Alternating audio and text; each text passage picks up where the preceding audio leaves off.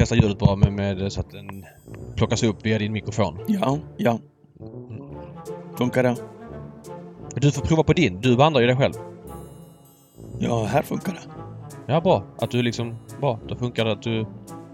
Att mikrofonen tar upp det och inte datorn. Liksom att du slår på micken på headsetet Jo. och s- att det blir utslag. Mm. Mm, bra. Men det är avsnitt 700, David. Ja, ja. 177. Men, men vi, vi pallar inte... Det har hänt någon gång att du inte bandar. Då blir det bara skit med allting. Eller att du, du, du tar upp via datorn. För vi gör om det sen. Ja. Det är onödigt nu när du är sjuk och, och ska till Miami. Så nu kör vi igång.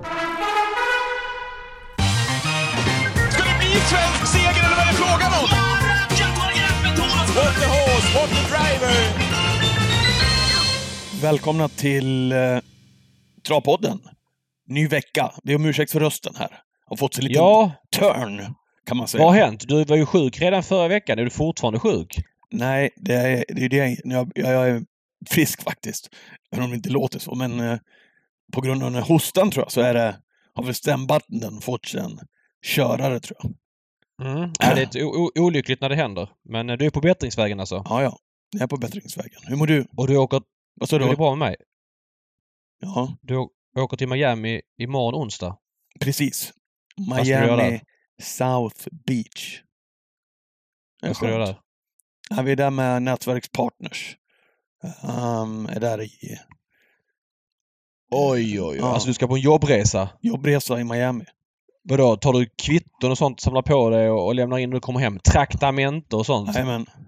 Fy fan alltså vilken gris. ja, ja, ja. Men de Trevligt. eh, företagspartners måste tas om hand på bästa sätt. Ja, ja såklart. Så är det. Så är det. Mm. Nej, det, blir, det blir härligt. Ja. Eh, och bra med dig. Jättebra med mig tack. Mm. Ehm, Hur var det förresten det. i, hur, hur var det på Valla i lördags? Eh, Det var trevligt på Solvalla tycker jag. Eh, Det är ju väldigt ofta trevligt på Solvalla. Det var ju hyllningarna till Stig och Johansson. Eh, ja, och, hur var de? eh, Det har jag glömt att fråga dig. men alltså så här. Vi ska då komma fram till att det är en lördag i februari. Och då kan man fråga sig varför gör man det här en, en lördag i februari? Ja men Stig, eh, han... Eh, alltså vad ska man säga? Det var nu han kom med beskedet och kan man tycka då, ska vänta till Elitloppet? Det kommer nog komma en hyllning på Elitloppet också. Nu var det ju en dag då det ändå var helt okej med folk och man fick liksom mer tid till den här grejen. Den är väldigt svår att göra så här stor på Elitloppet då massa andra grejer eh, ska in. Jag utgår att han kommer få en hyllning då också. Eh, nej men jag tyckte alltså insatsmässigt, det man gör från Solvallas sida tycker jag är bra. Man, man liksom visar mycket gamla intervjuer, gamla klipp och så vidare. Sen är det så här att eh, nu var det Jörgen Westholm hade ett stort gäng på Valla krog och, och de var ju ute på elläktaren och skan, skan, skanderade Stig H! Klapp, klapp, klapp! Stig H! Klapp, klapp, klapp! Påminner lite där med Elitloppet 2000 Ja, jag såg när han Ja. kom till ledningen med Victor Tilly och det gjorde ju att hyll, hyllningarna blev väldigt värdiga och det var det som det är det som spelas upp, mycket på so- sociala medier. Ja, det är det, det, är det jag har sett. Ja. Och det var ju inte arrangerat eh, centralt utan det var ju en grej som Westholms gäng eh, gjorde ganska spontant. Jag tror det var Johan Lindbergs idé. Och så Westholm som styrde upp den liksom. Och det blev ju väldigt effektfullt. Det var ju... Då blev det ju bra liksom.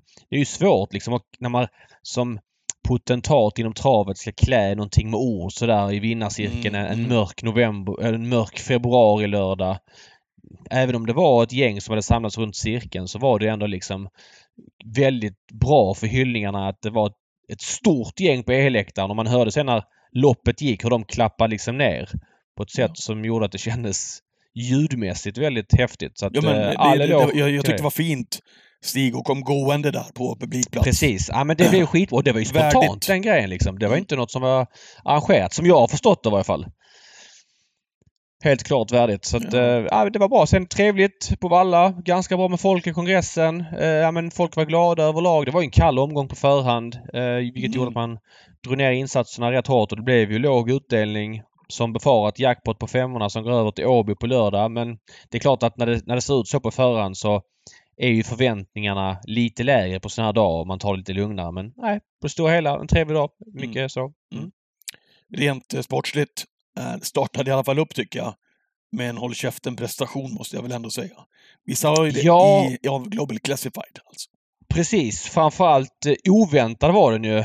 Global Classified som ja, men kördes till ledningen och, och, och sen det var ju en stenhård öppning och, och Marcus B Svedberg och ställer en fråga om han får överta med Barbro Kronos och det fick han inte och då trodde i alla fall jag att Global Classified var stekt.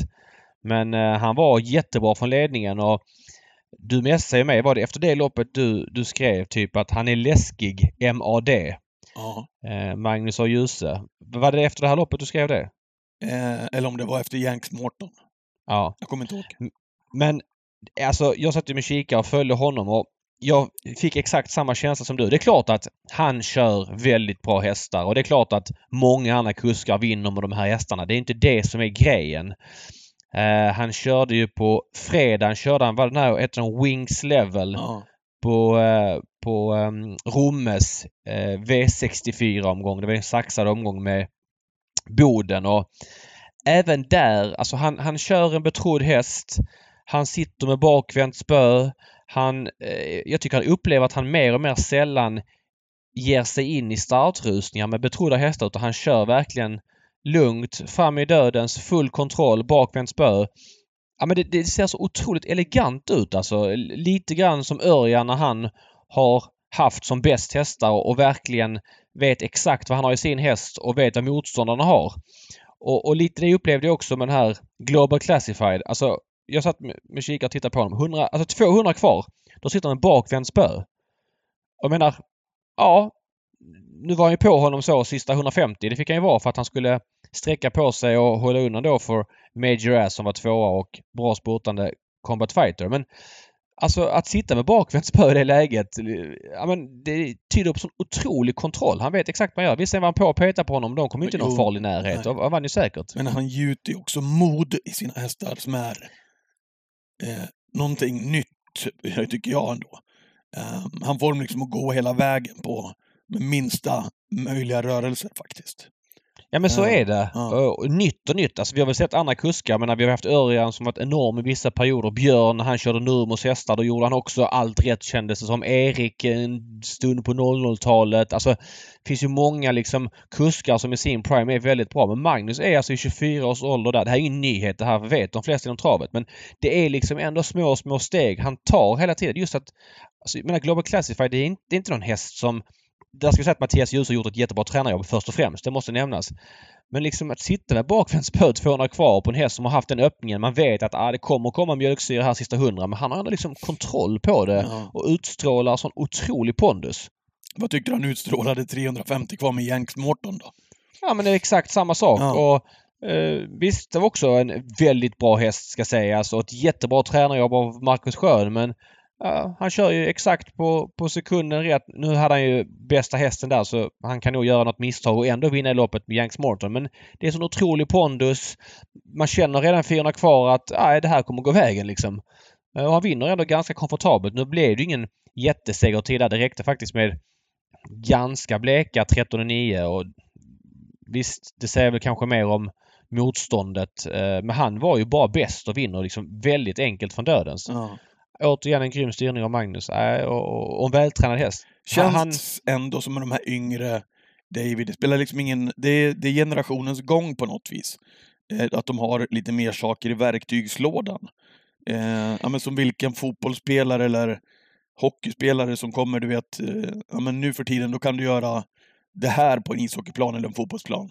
Du kan sorra i en innebandyklubba liksom. Det känns som att när de här kommer också, att de har de har en, edge som det gamla gardet inte har. På något vis. Svårt att sätta ord på det, men jag, jag tror du förstår alltså, vad jag menar. Både och. Alltså det, det, så här kan jag väl lite grann känna. De kuskarna som har hållit på i som är liksom 40, 50, 60 år. Det är klart att när de kör en häst som de känner oj det här är låg segerchans. Det, det är klart att deras entusiasm de, de är väl kanske inte lika vassa på att hitta lösningar som de här yngre är när, när de kör en häst som är lågt spelad. Jag tror nog vi kommer att få se då Örjan till exempel som då får representera det äldre gardet som 60-plussare att nu när han kommer att få köra bättre hästar så tror jag att han kommer att vara exakt lika bra som tidigare. Eh, så att jag tror den grejen finns kvar. Men just det här, nej, det, det, det är otroligt imponerande alltså. Det, jag slås av vilken otrolig finess. Det är inte bara han. Alltså Mats tar ju också kliv på sitt sätt. Men alla har ju olika körstilar och hans sätt liksom att kontrollera ett fält är läskigt imponerande, det måste jag säga. Jorma Kontio, han kontrollerade det mesta bakom High on Pepper. Ja, eh, och eh, där hade nog alla kuskar i Sverige vunnit med honom. Han var ju totalt överlägsen i en blek gulddivision. Jag tror vi kan lämna det så. Mm. Och så var det Magnus igen med Bear High. Ja, precis. Eh, Bear High fick ett bra lopp i draget och där hoppades jag väldigt mycket på Maserati Hall men man såg ju tidigt att Magnus satt ju återigen, hans kroppsspråk, han sitter ganska lugn i sista sväng och då vet man att han har en, klart en polett till in på upploppet och vinner ganska säkert. Så att, ja.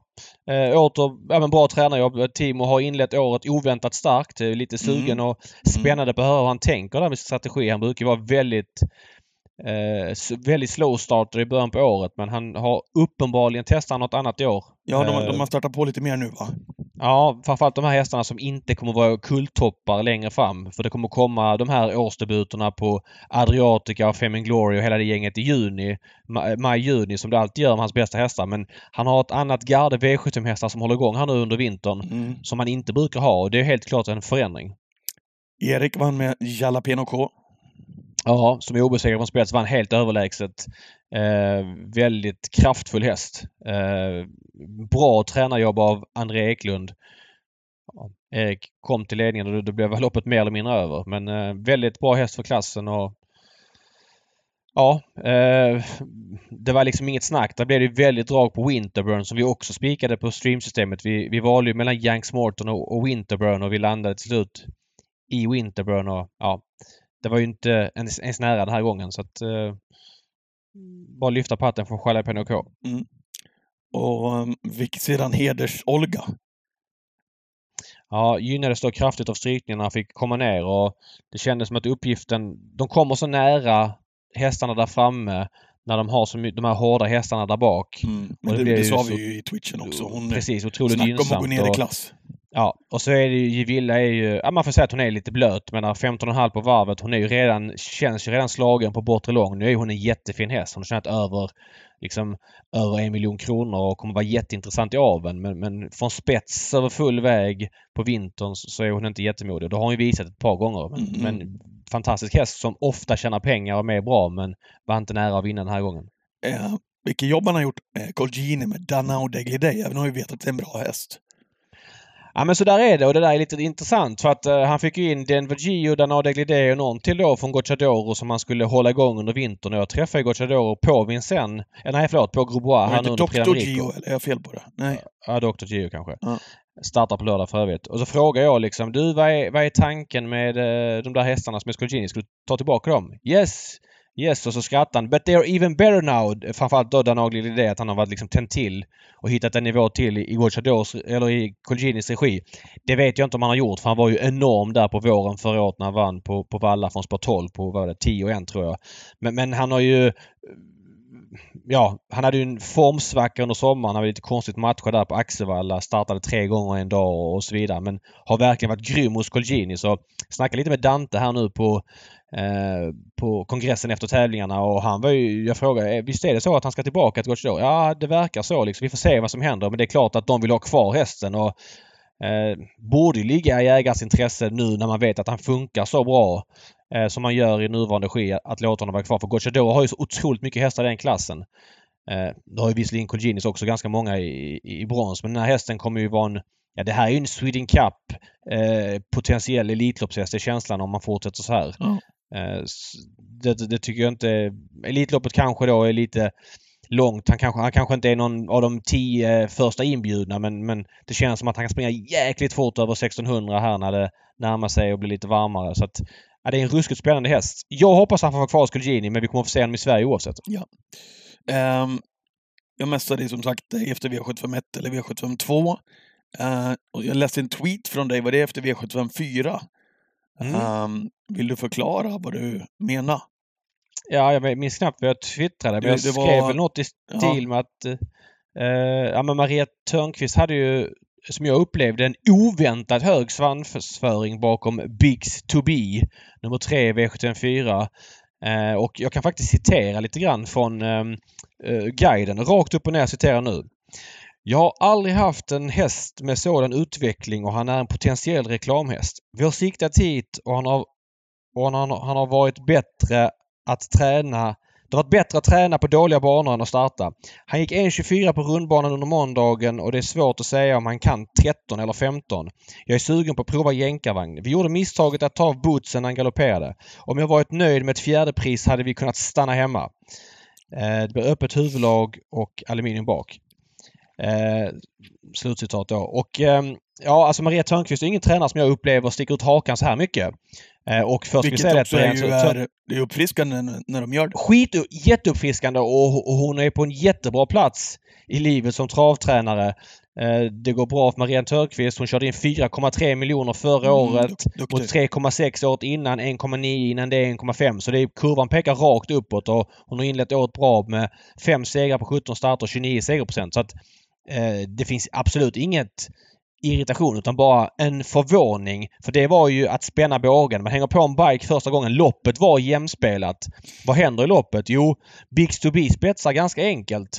Eh, och man tänker wow, det här ska bli spännande att se. För det var många som, var- många som var lite uppåt här men också ingen tydlig favorit. Så det är liksom ingen tydlig att släppa till utan jag var helt säker på att wow, nu kör de i spets med den. Jag tänker att den har toppchans nu liksom. Ja. Alltså kommer då Jorma kommer ut eh, från ryggen och ställer en fråga med Never Give Up. Och liksom Dwight Peters lägger sig, eh, han lägger sig inte raklång, han tar upp och släpper. Jag blev otroligt förvånad och tänkte man okej hästen kanske inte känns som bäst. Nej, precis. Never Give, give Up som jag tycker har varit lite, ehm, lite överskattad, eh, packar ihop i början på upploppet och Bixby dras bakåt och man får hitta sig loss och det är rubbet kvar i mål. Så att nog var det ett olyckligt släpp.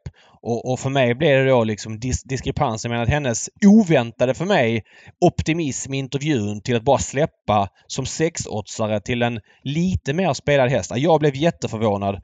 Eh, Jag tror nog att de ångrar sig i efterhand men för mig blev liksom, ja, den kontrasten för stor. Så det är det jag menar. Det var liksom inget mer än så. Eh, är kul att man sticker ut hakan men här tycker jag att man hade fog för att eh, den optimismen skulle följa med ut i styrningen också. Ja, nej men det, jag håller med dig fullständigt. Det var ju inte så att det blev någon utdragen körning heller. Nej, inte alls. Nej. Jätteenkelt i ledningen. Första gången jänkarvagn.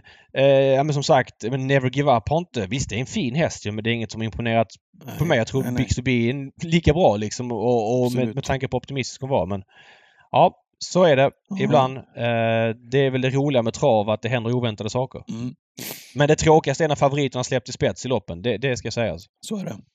Du, ehm, strax eh, veckans gäst. Mm. Ehm, du ville spekulera lite grann i, eh, om Elitloppet, men inte i den här podden i februari va? Det där gick vi igenom förra året. Nej, jag vill, vill inte spekulera riktigt om Elitloppet, men vi kan bara ta ett, en liten uppsamling vad statusen är på vissa saker. Det är ju Prix de France i helgen. Och förra året kom ju Anders Malmros inbjudan, jag tror det var i mitten på mars, om det var veckan efter Kang Sumer eller två veckor efter. då bjöd San Motör in.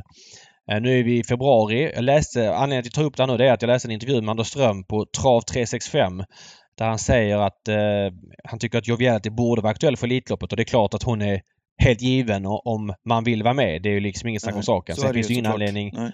För, för Anders Malmroth att bjuda in henne nu utan Nej. det kommer ju komma en inbjudan. Hon kan ju vara dålig i fem starter eller i, tre starter och ändå få en inbjudan. Kommer underifrån. Eh, men hela hennes liksom karriär och, och, och allting. Så att jag ser henne som helt given. Men eh, han sa även i intervjun att han, eh, han hintade att man vill ju veta det här så fort som möjligt för att i så fall ska hästen börja förberedas redan på måndag, alltså måndagen efter Prix de France. Och det får man ju förstå ju. Men för att kunna prestera på topp då kanske man styr om kosan, kanske inte startar i, i Kang Sumer utan fokar mer på Elitloppet och hem och träna. Jag vet inte men den typen av förberedelser är viktiga för att kunna prestera på topp i Elitloppet som ändå klingar mycket högre än Kang Sumer för eh, Joviality. Ja, men, men, men, är- men, men lugn nu David. Jag måste bara... Att Mm. förbereda sin häst inför sista loppet i maj, i, i början av februari månad. Vad är det, vad, vad ska du göra då?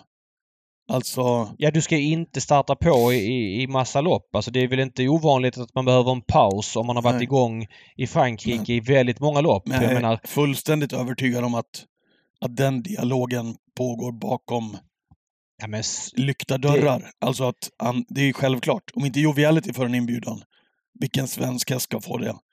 Först, sen men när det det- är dags. Menar, Exakt, exakt det jag vill landa i också. Att det pågår förmodligen en dialog mellan eh, Anders Ström och Anders Malmroth eh, för att man ska kunna maximera sin, presta- sin hästs Mm. prestationer och jag utgår från att man säger att det kommer inte komma någon inbjudan nu. Det kommer komma gärna i samband med någon seger eller när det är rätt tillfälle. Eh, Det är februari nu, det är väldigt tidigt. Så att jag ser henne som helt given. Men jag ville bara, det var liksom det jag ville få sagt att det finns nog många som ligger extremt bra till det utan att liksom behöva egentligen prestera mer. Det hon har visat här på slutet är tillräckligt och det går då till ålder och bakgrund som är, Mm. gör det hela mer spännande. Så ser jag henne som helt given och det gör nog många andra också så det är ingen skräll i sig. Nej. Och du behöver inte gå ut och göra något offentligt pompa och ståt. Utan du kan vänta med det. Eh, Och så kan du ha den dialogen eh, med varandra istället. Vad säger om gänget här som startar i Prix de France på söndag? Det, utöver då Joviality så är det Hail Mary, Aetos Kronos, Power, Moni Viking, Dear Friend och Missile Hill. Är de som är Ja, anmälda till loppet. Inget eh, ont om våra... Det är ju våra bästa hästar. Ehm, förutom Joviality och några till som är på hemmaplan. Men eh, Ja, det finns ju många väldigt bra hemma också Ja, sägas. Men ja, det är men väl... jag sa det, ja. några som är på hemmaplan. Eh, men eh, spontant, småtrött gäng. Ja, det är ju tveksam form på varje fall eh, fem av de här sex. Men Hail Mary, ja, honom diskuterade vi senast. Eh, det här är nog bättre distans. Det ska bli spännande att se honom. Faktum är att om han blir oplacerad nu, eh, Hail Mary, då är han nere på typ 200 startpoäng. Eh, Mm. Så att han blir nog svår att starta igång i Sverige sen och komma med några vettiga lopp. Eh, just nu har han alltså 10 000 Eh, ska se så säger jag rätt här. 10 594 poäng och då försvinner alltså en etta från Sundsvall Open Trot. Så då är det liksom eh, 26 000 kronor intjänat som, som sexa på Vincennes näst senast som gäller. Ja, och så 2500 från ehm, Mm. SM-loppet i kronor. Så det blir väldigt få poäng på honom. Eh, vad sa vi mer? Um, Aetos Kronos, ja, han var ju bara kall i Prix d'Amérique och är på upploppet av sin karriär så att jag har inga förväntningar där. Power tycker jag inte är lika bra längre. I alla fall ett tag sedan han visade, även om det var en okej insats på Vincennes. Moni Viking, vad är han nu, 11 år. Nej. Eh, vet inte, kan inte minnas när han var riktigt bra senast. Dear Friend, hon var ju ändå klart förbättrad senast och där är ju en, hon är ju en helt annan häst barfota runt om. Det finns väl någonting i det även om jag har svårt att säga att hon ska göra sig gälla- gällande i eh, Prix de France. Men Missile Hill däremot tycker jag är en intressant start. Han kommer ändå, trots att han är nio år så känns det som att han kommer lite underifrån. Lite på nyttfödd efter att ha varit i, haft en svacka här för två år sedan och satt ju fast på ett, ja, men på ett bra sätt i Prix de Luxemburg och han har bara gjort en start på Vincennes. De andra, vissa av de andra har gjort ett par starter i... Ja, det är framförallt Mary som har gjort missförstå, det. missförstå mig rätt David, men när vi tar fram Missle, som de kallar han i stallet, Mm. som det hetaste svenska budet, då är det skralt. Ja men så är det. Inget ont om Eh, men, men då pratar jag form. Att, att Hail Mary är en mer kapabel häst än Missile Hill i grund och botten. Det Mm. tror jag alla förstår. Men pratar vi form så känns ju Missile Hill i alla fall intressantast här. Vi får se vilka som kommer med i loppet. Men idag är Tiad, eh, Prix är anmäld. Hokkaido GL, Joviality eh, och ett par till. Så det blir väl som vanligt då en eh, repris av eh, Prix d'Amérique fast då 2100 meter med bilstart och 180 000 euro till vinnaren. Mm. Då um, kör vi igång lite um, gäst, va? Mm. Linus Lönn har inte varit med tidigare. Han är en coming man inom travet och han kör tre intressanta hästar på V75 på lördag. Det känns rätt att slå honom en signal. Välkommen till Travpodden Linus Lönn.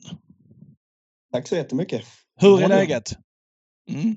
Jo, men det, det är fint. Vi har precis varit inne, kommit hem från Gävle trav och har varit inne och kört lite barnjobb med ett, ett gäng nyblivna treåringar här så att det, det är alltid trevligt. Vilka är vi? Eh, Jag och Fredrik Wallin, min chef. Du jobbar där ja. Jajamän, det gör jag. Hur fort Mm. kör ni då? eh, Idag låg vi runt eh, 19, 20, 2000 meter med dem eh, och de är ju okvalade treåringar då så att det tycker jag är på en bra nivå. Hur många hästar kör ni liksom i varje lag då? Eh, idag hade vi med oss sex hästar så då körde vi två och två. Eh, det kan variera lite grann. Ibland kan det vara tre eller fyra som kör också. Så att, men eh, oftast så är vi två och två som kör. Eh, var det någon som stack ut tycker du?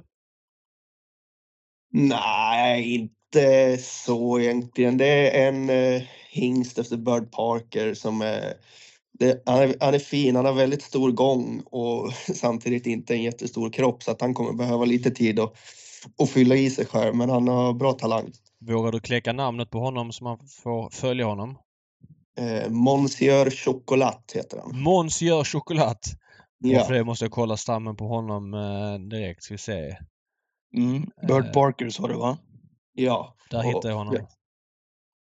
Hot Chocolate är mamma en, en, en gammal märg som Fredrik hade själv. Ja, Ja, ja, efter det. chokladier. Vad spännande, vad kul. Det är alltid kul att och liksom, även om man inte, det finns liksom inget spelintresse, men det är alltid kul att hålla såna här hästar under lupp och se dem dyker upp liksom. Ja, men absolut. Ehm, berätta om din vardag. Du är ju son till travtränaren Thomas Lönn och jag gissar att det har varit din väg in i travet från början. Jo, men så är det ju. Eh, Jag började ju springa i stallarna redan när jag var liten pojk liksom och fick vara med på dagarna och eh, provade köra lite ponnytrav när jag var sju, åtta år eller något sånt. Men eh, de där jäkla ponnysarna var ju så svåra så att det blev så dåliga resultat så jag tappade lusten och, och la av helt och hållet ett tag och fokuserade på... Jag spelade mycket golf och även bandy och fotboll och sånt istället när jag var yngre. Ja. Och sen när hittade du tillbaka till travet igen då? Eh, det var, jag tror jag hade fyllt 16 precis. Då, ja, men jag hade börjat följa travet lite mer eh, på tv då, V75 och lite sånt. Så då sa jag till pappa att nu att jag ville prova att köra stor häst. Eh, så det fick jag göra hemma på gården och då det var ju någonting helt annat än ponnysarna. Det var så mycket fart och power i de där stora hästarna så att jag blev ganska hooked direkt och började vara med och jobba i stallen när jag hade lov och på helger och sånt. Så att, eh, och ganska fort därefter tog jag körlicens för stor häst också. Okej, vi ska se. Du är född 99 alltså, så det här är ungefär 2015. Eh, Ja, det måste vara 2015, 2016 där någonstans. Och Men du, vi- vilka, vilka fina hästar hade, hade pappa då liksom när du eh, fick upp intresset? Vilka vi för epok då? Ja, eh, han hade en som hette Panic Button som var ganska framgångsrik, Inga Monté. Eh, några Just år Men det här, är, det här är långt efter, nu är jag så gammal. American Pride och alla de här. Ja, Bachelor's. Dream var ju på slutet på 00-talet. Ja, hon var runt i början på tio där. Så hon var ju liksom precis innan jag började hålla på så var hon i stallet och var väl den som var framgångsrikast då. då. Men okej, han så haft- hade ju- De, de allra största, finaste framgångarna hade han ju innan jag började bli intresserad, som man säger så. Då. Mm. Eh, Men du är alltså 16 när du får upp ögat, ögonen för det här och då går du gymnasiet. Hur liksom, du sa att du jobbar extra på helger och lov och så vidare men du gick klart gymnasiet. Hur, vad gjorde du efter det? Ja, men det gjorde jag. Eh, direkt när jag slutade så fick jag jobb hos Peter Eriksson i Bollnäs, eh, grön pilot. Mm, grön pilot. Eh, och jobbade där Han, han är i, grön pilot. ja, det är han. i ett år ungefär. Då, så började jag, eh, flyttade jag till Borlänge och började jobba åt Joakim Elving med hans unghästar. Eh, hade bland annat hand om en, en, en unge stått Patrik där som var efter Canepa Hannover. Nu har jag glömt bort vad hon hette bara för det. Jaha, den braklusen Patrik. Ja, som alla efter Canepa Hannover va? Jaha, okej. Jag, jag är skämtar lite grann. Nej, men det är sant David. Alltså det är ju, jag tror inte att det är någon, jo, så är det väl alltid, det är väl alltid något undantag, men ruggigt skralt efter honom faktiskt. Men det är väl också en billig hingst så det är, det är inte chockerande. Det är inte som man ramlar av stolen direkt. Nej, så är det. Eh, Men sen då Linus, efter Elving, vad gjorde du då? Eh, då fick jag lite hemlängtan så då flyttade jag hem eh, och började jobba åt min far. Eh, då blev det främst vara med och köra lite, lite jobb på dagarna och så hade vi en fem, sex unghästar där också som vi höll på och körde in. Och i den vevan så blev det lite raketökning på antal körda lopp per år så att då passade det mig rätt så bra att utgå hemifrån för att liksom ha bra möjlighet att komma iväg och köra så mycket lopp som möjligt. Okej. Och sen då, sedan hur lång tid har du varit hos ehm, Fredrik Wallin? Eh, två år blir det nu här i mitten på februari. Och vad är liksom målet? Vad är framtidsutsikterna? För som du säger, du körde ju mycket lopp för ett par år sedan men det har ju minskat lite grann. Jag gissar att det har att göra med någon form av regel som gör att man bara får köra ett visst antal lopp eller hur ser det där ut? Ja, men precis. Jag gick ju över, när man går över 150 körda lopp året före, då, får man inte vara med och tävla i, i breddloppen. Då. Eh, och just det där året när jag körde väldigt mycket så var ju en stor del av de lopp jag körde breddtrav, så att det gör ju en stor skillnad när man inte får med och köra dem. Då. Eh, Men, men hur är det där? Så du körde 145 lopp 2023 så det innebär att du får köra breddlopp i år. Men de räknas också som eh, vanliga lopp eller? Så att nästa, ja, precis. så nästa det- år, om du vill köra breddlopp nästa år så får du bara köra 140, max 150 i år. Ja, så är det. Men eh, det vart ju, planen i fjol var ju egentligen att jag skulle försöka köra så mycket som möjligt då också och slå mina tidigare siffror. Men då fick jag ju min vänsterarm av- avsparkad mitt i sommaren så att eh, jag missade två månader. Och då tog jag beslutet att medvetet ta det lite lugnt med löpkörningen så att jag skulle komma under den där gränsen till i år då. Okej, så i år kommer du spräcka den och det skiter du i liksom? Ja, i år kommer det bli, jag kommer köra så mycket det bara går i stort sett. Och vad är målet då? Vad, vad siktar du på på sikt? Vill du bli catchdriver och tränare eller vad tänker du?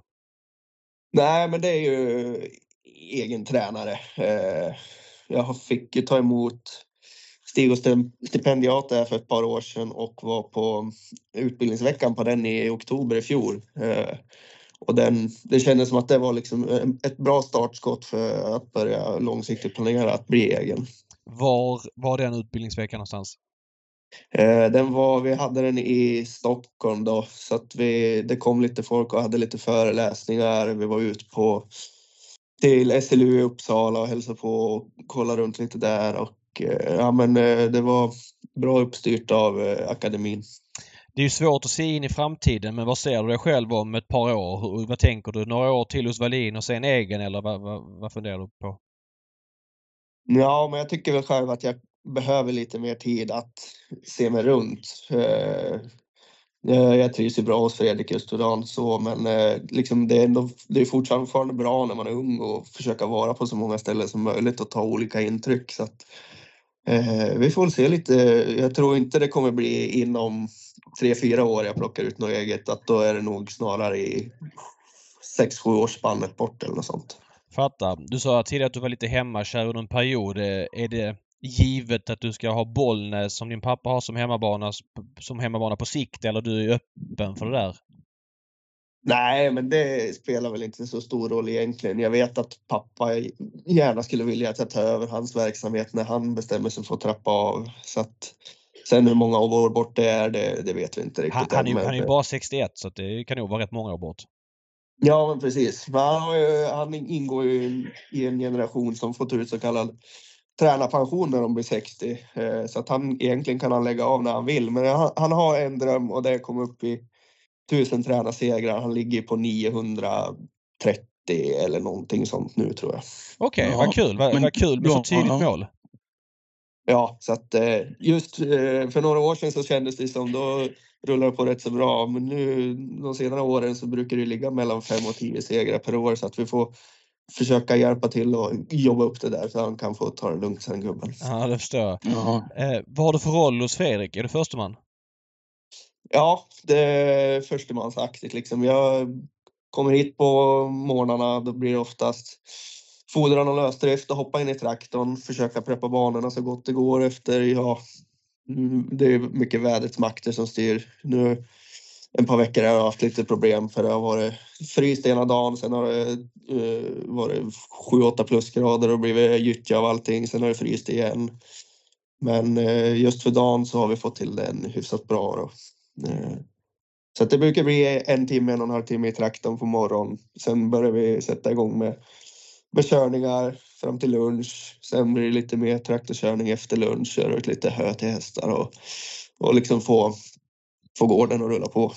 Eh, för att illustrera lite om din målmedvetenhet. Jag säger nu, du kör på Valla eh, imorgon onsdag. Du åker ner och kör en häst. Så det är First Tartar och nu är det inte omsatt så mycket på V86. Det är omsatt 800 000. Det är alltså 0,31 procent från spår 12.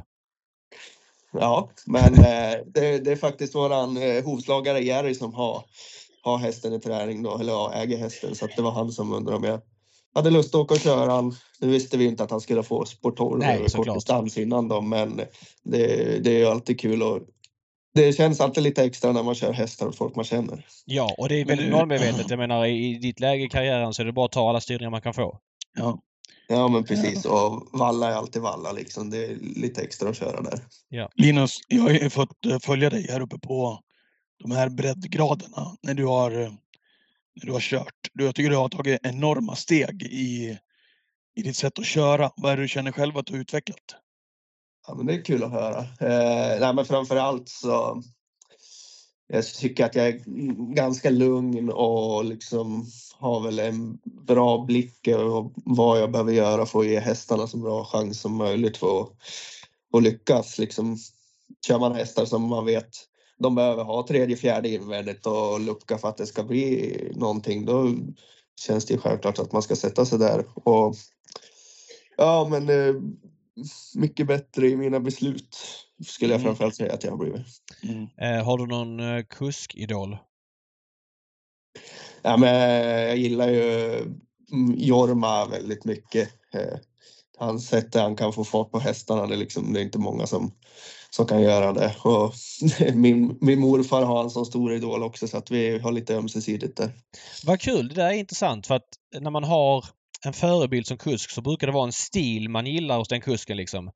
Jorma har ju en ganska speciell stil. Han är ju offensiv. Han kör väl utan klocka. Han... Eh, ja men... Får man säga att han kanske taktiskt inte är den vassaste. Däremot som du säger väldigt duktig på att få fart på hästarna. Eh, väldigt duktig på att köra från start. Ja men eh, enormt respekterad eh, och, och, och sådär. Vilka egenskaper är det som liksom sticker ut hos honom för dig? Ja, men det är ju framförallt det där som du säger. Eh, de här, han kan få liksom en, en trög häst att öppna som en blixt bakom bilen och sen kunna sitta och hålla igång den hela loppet ändå. Och, och liksom plocka ut det där lilla extra som behövs ur dem. Så att det, det är ju inte många som tar i ormarna när han sitter i ledningen och ångar på. Nej, så är det. För han är väldigt bra på att göra det surt för alla andra också. Eh, om man Ja. drar på i hårt tempo. Om man kört, det, kän, det känns som han har kört 100, 120-150 000 travlopp eller något sånt. Han kanske har kört ännu mer men han, det märks att han har, har bra feeling för vad han ska göra. Ja, men helt klart. Um, vi tänkte vi skulle prata lite om dina uh, V75-styrningar på lördag. Eh, först och främst, alltså Åby kör ju en... Det är ju deras championdag. De kör ju ett lärlingslopp. Men din pappa skickar ner två hästar. Det är en ganska lång resa. Vad är huvudanledningen till att ni åker till Åby på lördag? Eh, nej, men det är väl att hästarna har, har bra form och att han vill vara med på Rikstoton när det, när det går liksom. Eh, det var ju, båda de där två var ju till Axavalla för ett par veckor sedan och starta. Så att eh, just att det blir lite längre resor tror jag inte eh, beklämmer han så mycket utan det är mer att han vill vara med i, i Rikstoton. Förstår. Och då var det givet för dig att anmäla dig till lärlingsloppet, eller? Ja, men precis. För jag visste att jag skulle få att jag skulle köra pappas två hästar och då men jag satt ju som tillgänglig på Åby under den dagen så att jag blev uppsatt i tredje hand på Play It Flax där och, och ramlade in på den så att det, det är alltid kul att köra så mycket som möjligt. Har du kört tre hästar på V75 någon lördag tidigare? Eh, jag vet inte, två vet jag att jag har kört men jag är osäker på om jag har kört tre. Mm. Det är bra, bra att det sker på Åby också. Det är ändå otippat får man säga med avståndet till, till Gävle. Ja men verkligen. Så att, eh, och det, vi ska åka ner här. Vi, stallet hade ju en tvååring Match Made in Heaven som varit nominerad till årets tvååring på Stora Hästgalan här. Så att vi ska åka ner redan på, på fredagen då. Så att det blev ju väldigt passande för mig att köra lite lopp på lördagen. Ja men såklart. Men vi kan väl gå igenom dina styrningar. I V753 så kör du din pappa Thomas Mission Beach som var ute då på, på Axevalla som du sa och jag trodde de skulle spetsa den gången för Lilius. Gjorde inte det. Men satt fast med rubbet i mål var, var känslan. Har du snackat med Marcus efteråt och vad var din känsla? Ja men precis. Men han sa det liksom, hon, hon är väldigt humörsbetonad liksom. Eh, det kändes redan upp bakom bilen att hon inte hade den där riktiga dagen att hon skulle lägga iväg som hon brukar kunna göra. Hon liksom tog inte tag i bettet som hon brukar göra och då, då är det svårt att plocka en längd sida sida eh, när den andra invändigt är så pass snabb också. Eh, sen tyckte han liksom inte, det var ju lite tjällossning på den där banan den dagen så att det, hon sprang och slet lite grann med den så att det var väl liksom inte fulltankat i mål men eh, samtidigt så behövde hon ju inte bruka alla sina krafter på samma sätt heller som hon hade gjort om hon hade gått i ledningen. Känslan är att hon är ju bäst på kort distans hon, när hon kan utnyttja sitt startsnabbhet och sådär. Men hon har gjort tio raka starter över full väg. Är det liksom en slump eller tycker ni att hon är lika bra över full väg? Nej, för ett par år sedan tycker jag hon var lite bättre på kort för då, då kunde hon springa på liksom och, och hålla ett hyfsat tempo hela, hela vägen. Nu är hon mer att hon, hon behöver ha någon sida sida som kan sporra henne och springa framåt för historiskt sett har hon ju haft vissa hyss för sig och kunna springa hem på någon rak sträcka och, och bromsa liksom om hon inte haft någon med sig. Så att det, det har blivit lite mer, så länge hon har någon bredvid sig så spelar det inte så stor roll vilken distans hon är ute på. Nej precis för att det, Mm. kä- känslan är en sak att man tycker att hon ska vara bäst på kort men statistiken säger något helt annat. Hon har vunnit alltså 10 lopp i karriären på 107 starter. Nio stycken är på full väg eller ett på 2,6 och bara en gång har vunnit på kort distans. Så det liksom stämmer inte överens med bilden man har i alla fall. Hur många, hur många gånger är det från ledningen då? Ja, det måste vara alla gissar jag. Ja, Jag tror hon gick jättebra bakifrån några starter när, hon- när de satte på ett norskt huvudlag. Så jag tror hon har vunnit ett lopp i alla fall bakifrån. Men det är ju som sagt det är ju i, i spets som hon går som allra bäst. Eh, hur tänker du taktiskt här på, på lördag då? Hon står ganska bra in i loppet. Det är ju liknande gäng stängt vid 1,4 för ston och hon står ja, som sagt bra inne. Vad, vad tänker du taktiskt? Ja, men från, från start så är det såklart att, att ladda iväg eh, och eh, sen eh, om det blir ledningen eller om det kommer någon och trycker på liksom det får man väl lägga upp det lite som när, vad det är för häst som kommer upp på utsidan och så också. Men det är ju liksom HB får man ju chansen även om man släpper ifrån sig ledningen så att det får se lite eh, hur det utspelar sig. I samma lopp har ju din chef Fredrik Wallin ut nio sommarbriser som har varit en snackhäst på V75 Eh, här under vintern men kanske inte riktigt fått till det. Vad har du för förväntningar på hennes uppgift? Eh, nej, men precis. Eh, hon har väl inte tävlat på det sättet som vi har hoppats på när hon har. Hon har haft lite byngliga utgångslägen och fått gått bakifrån, men det är lite som att hon, hon skiter i det om hon måste göra allt för mycket jobb. Eh, hon var ju jättefin där på Axevalla. Det var väl nyårsomgången när hon satt fast med med rubbet kvar. Då satt hon ju liksom i ryggledaren och fick vara med i den främre träffen. Så att det, hon, hon visar väl lite att hon behöver vara, vara med där framme för att ta ut sin rätt. Ja, senast så eh, blev hon, var det på Kalmar va? Hon var oplacerad. Då fick hon inte sitt lopp va? Hon fick väl döden så det var väl inte hennes grej. Va? Känns, känns, känner man något extra i jobben eller vad är status där? Nej, men hon har väl eh, jobbat på fint liksom. Varken plus eller minus ska man väl säga. Hon, hon gör sitt jobb som hon ska här hemma och, och det känns som hon håller liksom en rätt så bra form. Eh, Blir du förvånad om hon skulle... Nu kör ju Mange den här gången. Vi pratade om honom här tidigare på den att han kör som en gud för dagen. Han kör ju bra hästar också men skulle du bli förvånad om hon vinner? Ja, Magnus kan ju vinna med allt känns det som så att eh, det är ju inte omöjligt men det krävs väl lite att det, att det ska klaffa. Ja, precis. Eh, sen så hade du då i, ska vi säga lärlingsloppet, du kör eh, Plate Flax. Den är ju svårbedömd för dig. Det är ingen häst du har kört. Har du skaffat en uppfattning om hästen eller? Ja, men precis. Väldigt svårbedömt. Eh, det var faktiskt en, hästäg- en ägare till eh, Playflax som skrev till mig redan igår att Ja, kom med lite information om han, att han är liksom startsnabb, ska helst inte springa utan rygg och ja, men han har ju ändå gjort det bra i jag har mött några rätt så bra hästar och haka på varit tvåa liksom bakom så att eh, skulle man kunna snabbstarta, komma ner till plankan och sen släppa, släppa ledningen till någon bra så skulle han säkert kunna vara med och strida om en pallplats i alla fall. Startar ju faktiskt på eh, Solvalla i ett lopp utanför V75 på annandagen. Och jag vill minnas att det var ett bra intryck över mål den dagen. Jag måste kolla om på det nu för så jag inte så jag ljuger här för dig. Eh, eller har jag fel i det? Ska vi se, var sitter han här? Han sitter där. Eh, jo, men det var lite plusbetonat intryck av mål även om han är långt efter vinnaren. Så att eh, det loppet vanns ju av Global Duty och Jerry Åkerfeldt. Nu var det ett tag sedan men eh, ja, vad spännande. Hur gör man när man kör en häst man inte har kört tidigare liksom? Eh, man träffar tränaren på backen och sådär eller hur går du tillväga? Ja, men precis. Först så blir det ju att sätta sig och titta lite i lopparkivet och jag har inte, inte hunnit göra så mycket än eh, i början på veckan, men det blir grotta ner sig lite grann, mm, hälsa på tränaren på tävlingsdagen och höra sig för lite vad, vad de tycker om hästen för dagen och vad, om det är någonting man behöver tänka på. Liksom. Annars så, väl i loppet sen så är det ju mycket upp till en, en själv vad man gör för att förvalta chansen. Ja. I V755 så kör du nummer två Cumulus FG som du har kört ett par gånger på V75 och han har ju företrädesvis matchat för lång distans men startar faktiskt på sprinterdistans nu. Hur kommer det sig? Eh, mestadels för att det var Mission Beat som hade ett passande lopp på Åby men då tyckte han att ska hon starta kan vi lika gärna ta med Cumulus också då.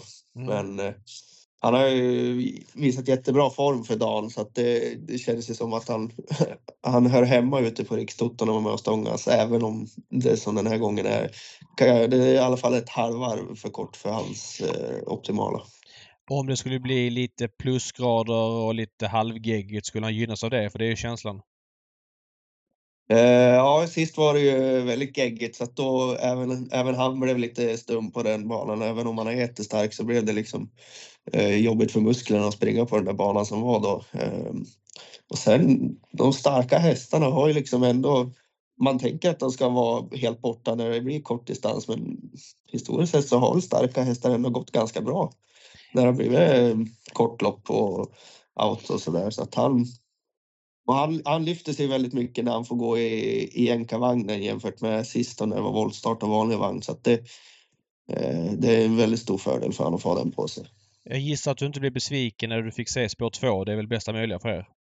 Ja, men det var helt optimalt för då kan man bara liksom fokusera på, även om han kan öppna ganska bra bakom bilen, men jag tror inte över 1600 när alla laddar tror jag inte han är aktuell för någon, någon spetskörning. Så nu kan vi liksom ligga, ligga i vårt spår och försöka vara med så långt framme som möjligt så får vi se hur, hur pass han hänger med. Okej, okay, men du blir inte, jag menar, lite, du säger att starka hästar kan ibland komma in på kort distans. Det håller jag absolut med om och lite tempo här så eh, borde han väl kunna vara med och göra upp om det.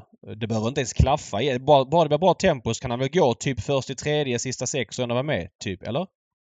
Jo, men något sånt tänker jag. Liksom. Det, det ser väl ut som att det blir Sjöströms häst kommer att bli ganska klar favorit så att förhoppningen är väl att den inte får sitta och bestämma för mycket i ledning då. Så, men skulle de kunna hålla? Jag tror han gick i 14 full väg från dödens på Solvalla för två starter sen så att han springer säkert en hög 12 låg 13 på kort bara han får hålla sin fart liksom.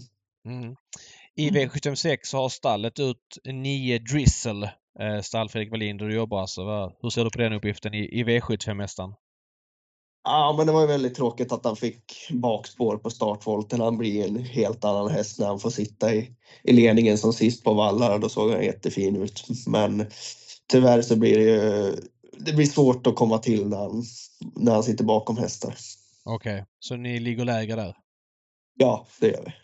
Eh, innan vi släpper dig. Du säger egen tränare vill du bli på sikt och så vidare. Hur ser det ut med träningsfilosofi och sånt? För jag tycker det låter väldigt sunt att du säger att du vill jobba hos många olika för att snappa upp eh, det bästa. Eh, av det du liksom har jobbat med hittills, är det någon grej du känner känns mer rätt än någon annan? Ja, men jag gillar ju, vi har ju eh, en djupsambana här som vi kör. Det blir ju väldigt skonsam träning för hästarna. Det är inte så inte så jättesnabba tempon och, men de får arbeta ordentligt med hela kroppen ändå. Liksom, så att det, de får träna hårt men det sliter inte så mycket på dem. Så att det gör ju, som i fjol tyckte jag vi höll en ganska jämn och bra form på dem hela tiden. Och det resulterar i att det vart all time high inkört. Så att, eh, det är väl det som man helst skulle vilja ha som grundkoncept att träna i. Hur är det där på vintern med sanden? Alltså den fryser inte till eller hur, hur blir det? Uh, men vi, vi saltar våran bana så att de, det saltet gör ju liksom så att det, det, blir, det fryser till lite på ytan men kommer man under den frysna ytan så är det mjukt under så då kan man jobba upp uh, ett fint underlag för hästarna att springa på igen. Okej, okay, så, så sandbana, det gillar du så so far? Ja, det är jag verkligen. Har du någon plan på att jobba utomlands eh, under de här åren innan du plockar ut egen licens? Eh, jag sneglar lite grann på det men det har liksom inte känts som att det har passat någon, någon gång nu under de här åren som jag har hållit på utan det, Det skulle det bli något år här framöver när man, om man inte vet riktigt vad man ska göra så det hade ju varit väldigt kul, en väldigt kul grej att prova på i alla fall. Vilket land sneglar du på då? Ja, men mest eh, USA. Eh, eh, det ju- att prova på den, den travsporten skulle vara häftigt. Jag har ju varit ner till Fredrik har ju hästar nere i Frankrike så jag har varit ner där en helg. Jag ska ner nu nästa vecka och vara där nere och hjälpa till lite grann. Så då, det blir lite grann att prova på där nere i alla fall. Okej, men USA lockar mer än Frankrike alltså? Ja, men det tycker jag. Eh, liksom deras snabba travsport känns lite mer adrenalinkickande. Okej, vad spännande. Det där tycker verkligen folk helt olika liksom och det är helt olika travsporter som du säger. Eh, vad, vad, ser du framför dig då? Liksom, är det att jobba någon svensk tränare kanske? Eventuellt om du skulle komma iväg eller vad, vad, vad tänker du?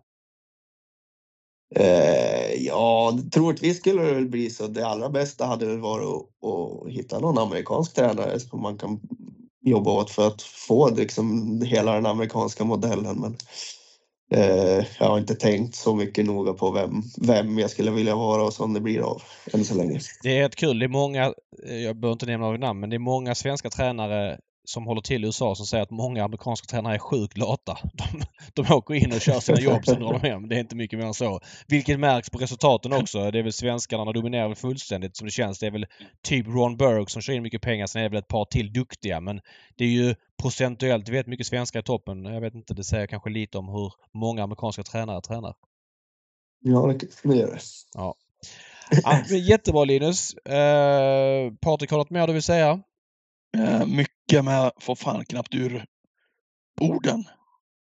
Men eh, jag, jag, jag, jag, eh, det är intressant att lyssna på Linus tycker jag. Ja. Eh, Det känns, Mm. jag håller med Patrik, det känns som att du har tagit stora kliv som kusk. Alltså jag- inte för att jag upplever det som att du någon gång var liksom Ja men nybörjare är väl alla det, men det känns som att du har varit stabil hela tiden tycker jag. Kör väldigt bra och sådär. Så det där ska nog gå bra. Ja, men det är kul att höra. Ja. Ja men toppen Linus. Lycka till på Åby. Ta det lugnt på fredag på galan först och främst. Och sen så lycka till på, på lördag så håller vi connection.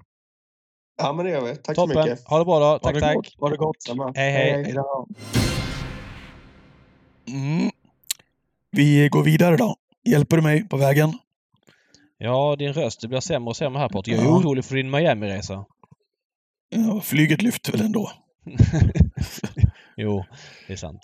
Eh, V75 Åby. Det är faktiskt jackpot. Ehm, det blev alltså 20,7 miljoner som gick över strax under. Vänta, Mm. har de någon fond nu? Har de börjat fondera till någon jackpot? För det där måste vara mer pengar så som gick vidare.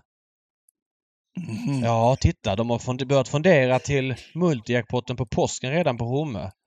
9,4 så det försvann 20% Det förklarar ju en del. Mhm. Eh, ja, men det är ändå 20 miljoner extra och det blir eh, bra värde. Vi kan ta eh, första tanken V75. Vi är tillbaka på Twitch lördag 13.00 på Twitch och skriver ni Gambling Cabin uppe i fönstret så är det jag och mest troligt Oliver som kör. För du är bortrest och, och allt det där så du är befriad på lördag. Ja. Eh, första tanken då. V75, V71, ett jämspelat storlopp, diamantstort. Jag vet inte. Eh, min tidiga take här, 9 Cascabella. Det här känns faktiskt för övrigt som V71 under nyårsafton. Det känns som att flera hästar som var med då är med här. Eh, Cascabella galopperade den gången men flög fram senast på Kalmar. Var ruskigt bra. Eh, som hon går där över mål. Bara 6% Nu är det väldigt lite omsatt på V75. Det är inte mer än 300 lax. Så det får man ta för vad det är. Men Känns tidigt det här eh, spontant. Har du någon take? Mm.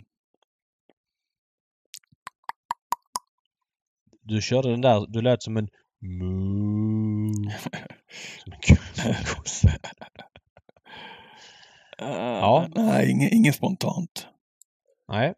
Det kommer bli jämspelat det här loppet i alla fall. Det är känslan det blir ofta det storloppen. Vi kan gå vidare till V752. Där vet jag att du gillar fyra Jacques Meras. Men han går ju upp väldigt mycket klass nu. Loppet stängt till 500. Han har bara Mm. 270 på sig. Jag vet vissa säger att de där pengarna inte spelar så stor roll i låg klass. Vad säger du här? Han är ju bra. Det är Ja, precis som ja. du säger. Det är lite tuffare hästar emot, även om det inte är jätte, jättetufft, tycker jag inte. Så Nej, jag håller, håller faktiskt med. Den här Cassius Clay, det känns som att banan inte var optimal för honom. Det var ju den här Axevalla-dagen där kärlen gick som det känns. Eh, ja, han borde vara med och spela den Jacques Maras rent spontant. Ja, Det faktiskt. är väl en tidiga tecken. Men det är nog ett par bra med. Capitano just nu 2% Jollywood är 3% från spår 1 och ganska roliga hästar här som är lågt spelade. Mm. Ja, vi får hålla utkik på det. V753. Eh, Mose Eagle nummer två. Den hade man satt V7 med senast. Det hade nog många Mm. andra gjort också. Den här gången jänkarvagn. Jag vet inte om det är första gången i karriären. Det är i alla fall första gången på svensk mark. Kommer Mm. ju från uh, Nederländerna tidigare. Eh, är favorit nu i nuläget. Det ska hon väl vara också. Det känns som att det är ett liknande gäng som hon mötte senast. Och, ja. Med Hon, den ehm, utrustningsförändringen och banan senast kanske inte var optimal för henne så borde hon väl vara favorit här. Ja, hon var ju speciell. Gav sig Ja, blandat, blandat intryck under hela, under hela loppet på något vis. Ja, känner att många hästar den, den dagen överlag var blandade intryck. Och vi såg ju Combat Fighter var helt iskall och kom ut och var ändå ganska bra här i lördag. Så att man får nog ta många insatser från den dagen lite med en nypa salt. Kul om Linus skulle Eh, komma till ledningen. Ja, absolut. Och som sagt, hon... eh, Ja, men jag är överraskad att hon var så bra som hon var näst senast. Och intrycket senast, visst hon kanske var trött. Det var ju den där banan. Men känslan är att hon har mycket krafter kvar av det man ser. Men eh, Amos Eagle lär bli första häst här. Um, V75 4. Här gör ju 11 DJ Bar. Var ju ett, eh, inget super, ingen superdebut på svensk mark senast men de där Genardo Casio-hästarna kan ju bara dyka upp Mm. med superprestationer. Men det var väl jättestim på den däremot. Ja, det var jättestim på den och eh, den presterade ingenting men de där är ju svåra hästar att räkna på, Casios hästar. De, de har liksom jättebra i en start. Det finns liksom ingen röd tråd i formkurvan eller man förstår inte var de är i formkurvan. Här, Warriors Tale, ju tidig storfavorit här till 44 Det känns väl tveksamt. Den var ju, ju länge sedan den var bra. Det var i oktober månad liksom. Mm. Eh, den presterade. Nog för att uppgiften ser passande ut med framspår och sådär. Men äh, den känns ju kraftigt överspelad. Vi får se var det landar i alla fall. Men det- ska inte vara spela på 3% bara. Nej. Nej. Eh, du menar att den ska vara mer spelad helt enkelt? Ja, ja. Mm. Då får vi hålla kik på Barbaris. Mm. V75 5 Billionaire Face blir favorit. Det är väl känslan att det kanske ska vara också. Jag vet inte, jag gillar den här Take Your Time nummer ett som vann på nyårsafton. Jag slog Hohoha då. Fick visserligen ett perfekt lopp men ganska snabb ut. Borde få ett bra lopp från spår 1. Eh, lär inte bli så mycket spelad. Nej. Den gillar jag. Ehm, känns som ett ganska lågklassigt. Jag undrar om inte Linus också kan göra sig gällande. Jag gillar Cumulus FG. Mm. Ehm, verkligen. Vi får se lite hur banan blir där. Spännande med biken. Ja, helt klart. Eh, Det var ett tydligt, tydligt plus för den Mm. hästen. V756, V75 Champions. Tyvärr ett jätteihåligt lopp. Eh, Där eh, ett par, ja men i princip totalt chanslösa hästar kommit med. Det var ju 16 anmälda bara. Det var en som föll bort och det är ju många lågpoängare med. Ja, bra betalt för att vinna det här loppet. Four Guys Dream, var vi honom formmässigt? Det känns som att det har varit sisådär på slutet. Konstig upploppsgalopp senast på Kalmar och inte wow på Åby-gången innan. Det är ju hans period. Han skulle gynnas om det blir stenhård bana i varje fall. 15 vinner Dr. väl? G... Vad sa du? 15 vinner väl? Gör den det? Eh, tar den 20 på doktorn? Tror det. Ja. Så lite segerfarlig ut, eller segerfarlig, men det var ett tag där mot Hyman Pepper man kände att hon kom med väldigt bra fart. Ehm, ja, vi får se hur det landar spelmässigt där. Dr. G blir nog favorit. V757, ett sprinterlopp på silverdivisionen. Flera kända hästar. Favorit i nuläget 1, Hipster Am. Uh, är någonting som, jag har en grej som sticker ut här. Eh, det här är kanske inte tipsmässigt. 9, Crown Wise Ass.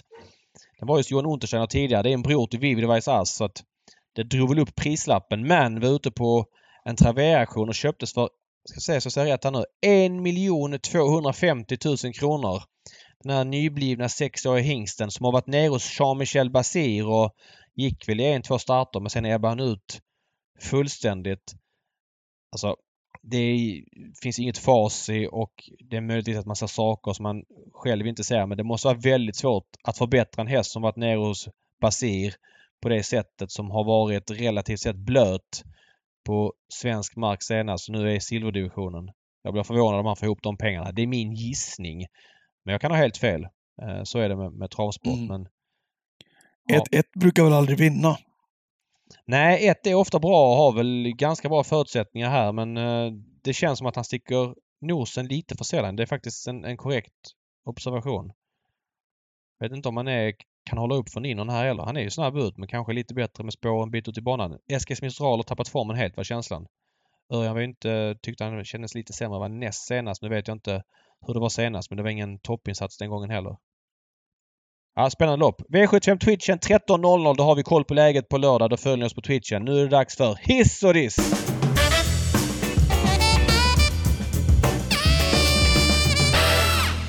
Yes. Eh, jag börjar jag då. Eh, du, vi skulle lämna med en... Du börjar, du kan dissa ja. Ja, Mm. varsågod. Eller vad tänkte du?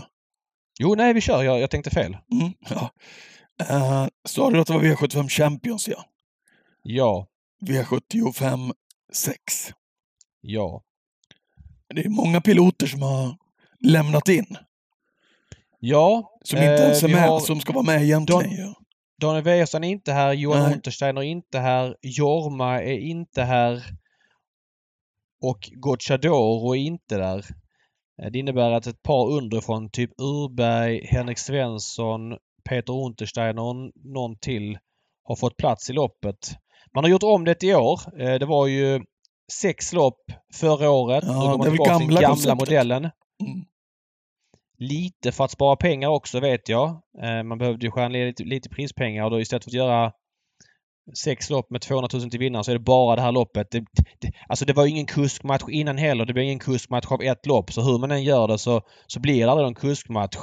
Men det är Nej, klart, det blir det ligger ju väldigt inklämt. Vi hade alltså V75-finaler förra veckan. Många potentiella bronshästar försvinner där. Sen har vi Bergsåker och Wintertrot nästa vecka med 500 000 till vinnaren. Många hästar som skulle kunna stå med 20 meters tillägg här försvinner där. Trots 250 000 är det ett svagt lopp. Det håller Ja, jag helt och hållet med om. Jag ville vara tydlig med att jag förstår kuskarna. För det finns liksom ingen, USP i det här längre. Tror vi Nej. pratade om det förra året också. Och jag menar, Daniel Wäjersten ska han åka ner för att köra eh, ett lopp eh, och, och, och liksom sådär. Jag förstår honom helt och hållet att inte han åker ner. Däremot vet jag inte varför inte Johan kör. Han kör inte någon häst under hela tävlingsdagen. Om det beror på det här eller att han är bortrest, det vet jag inte men... Men ja, nej. Svårt att få till det här upplägget hur man än gör. Nu ligger det inklämt. Jag tycker ändå det är ett steg åt rätt håll att man gjorde så här och att man kör klasser på V75 och inte de här liksom 15 hästarsloppen, alla loppen. Det, det blev aldrig någon kuskmatch av det ändå. Det Nej, blev bara krystat. Tvärkallt. Eh, Det här lite bättre men det känns ändå som att det inte lirar fullt ut. Här har man någonting att bita i. Jag håller helt med Patrik. Ja. Eh, bra, tack för att du hjälpte att fylla i. Eh, hissa då? Jag ska hissa. Ja, eh, ja men vi har pratat lite om det tidigare och det är ändå värt att nämnas. Jörgen Westholm. Han har inte varit Solvalla-tränare så länge men han eh, lyckades alltså i lördags bjuda in, var det 400 personer? Han fyllde hela Valla Krog. För, Valla Först invigde han sin nya veranda på stallbacken. Hoppas att det kan bidra till bra stämning på tävlingskvällarna på Solvalla med lite mer folk på stallbacken och myller. Det behövs verkligen och Westholm satsar ju stenhårt på den biten och lyckas väldigt bra.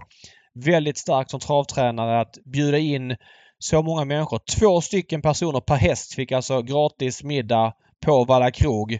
Och så styrde han upp den här hyllningen till Stig på ett väldigt bra sätt. Eh, alla tränar sin nisch. Alla kan inte vara likadana. Vi hade Joakim Löfgren förra veckan som hade en marknadsförare som jobbar på sitt sätt. Westholm jobbar så här. Men att dra så mycket folk till travet och han har ju helt rätt Westholm. Han sa i någon intervju. Det är ju inte... Jag vet ju inte hur många... Eller vad sa han? Det är inte så många som är travintresserade och hästägare via ATG Live utan det är så här man blir det och det har ju Westholm helt rätt i. Det vore önskvärt att fler ledande personer inom travet förstår att det är så här rekryteringen går till.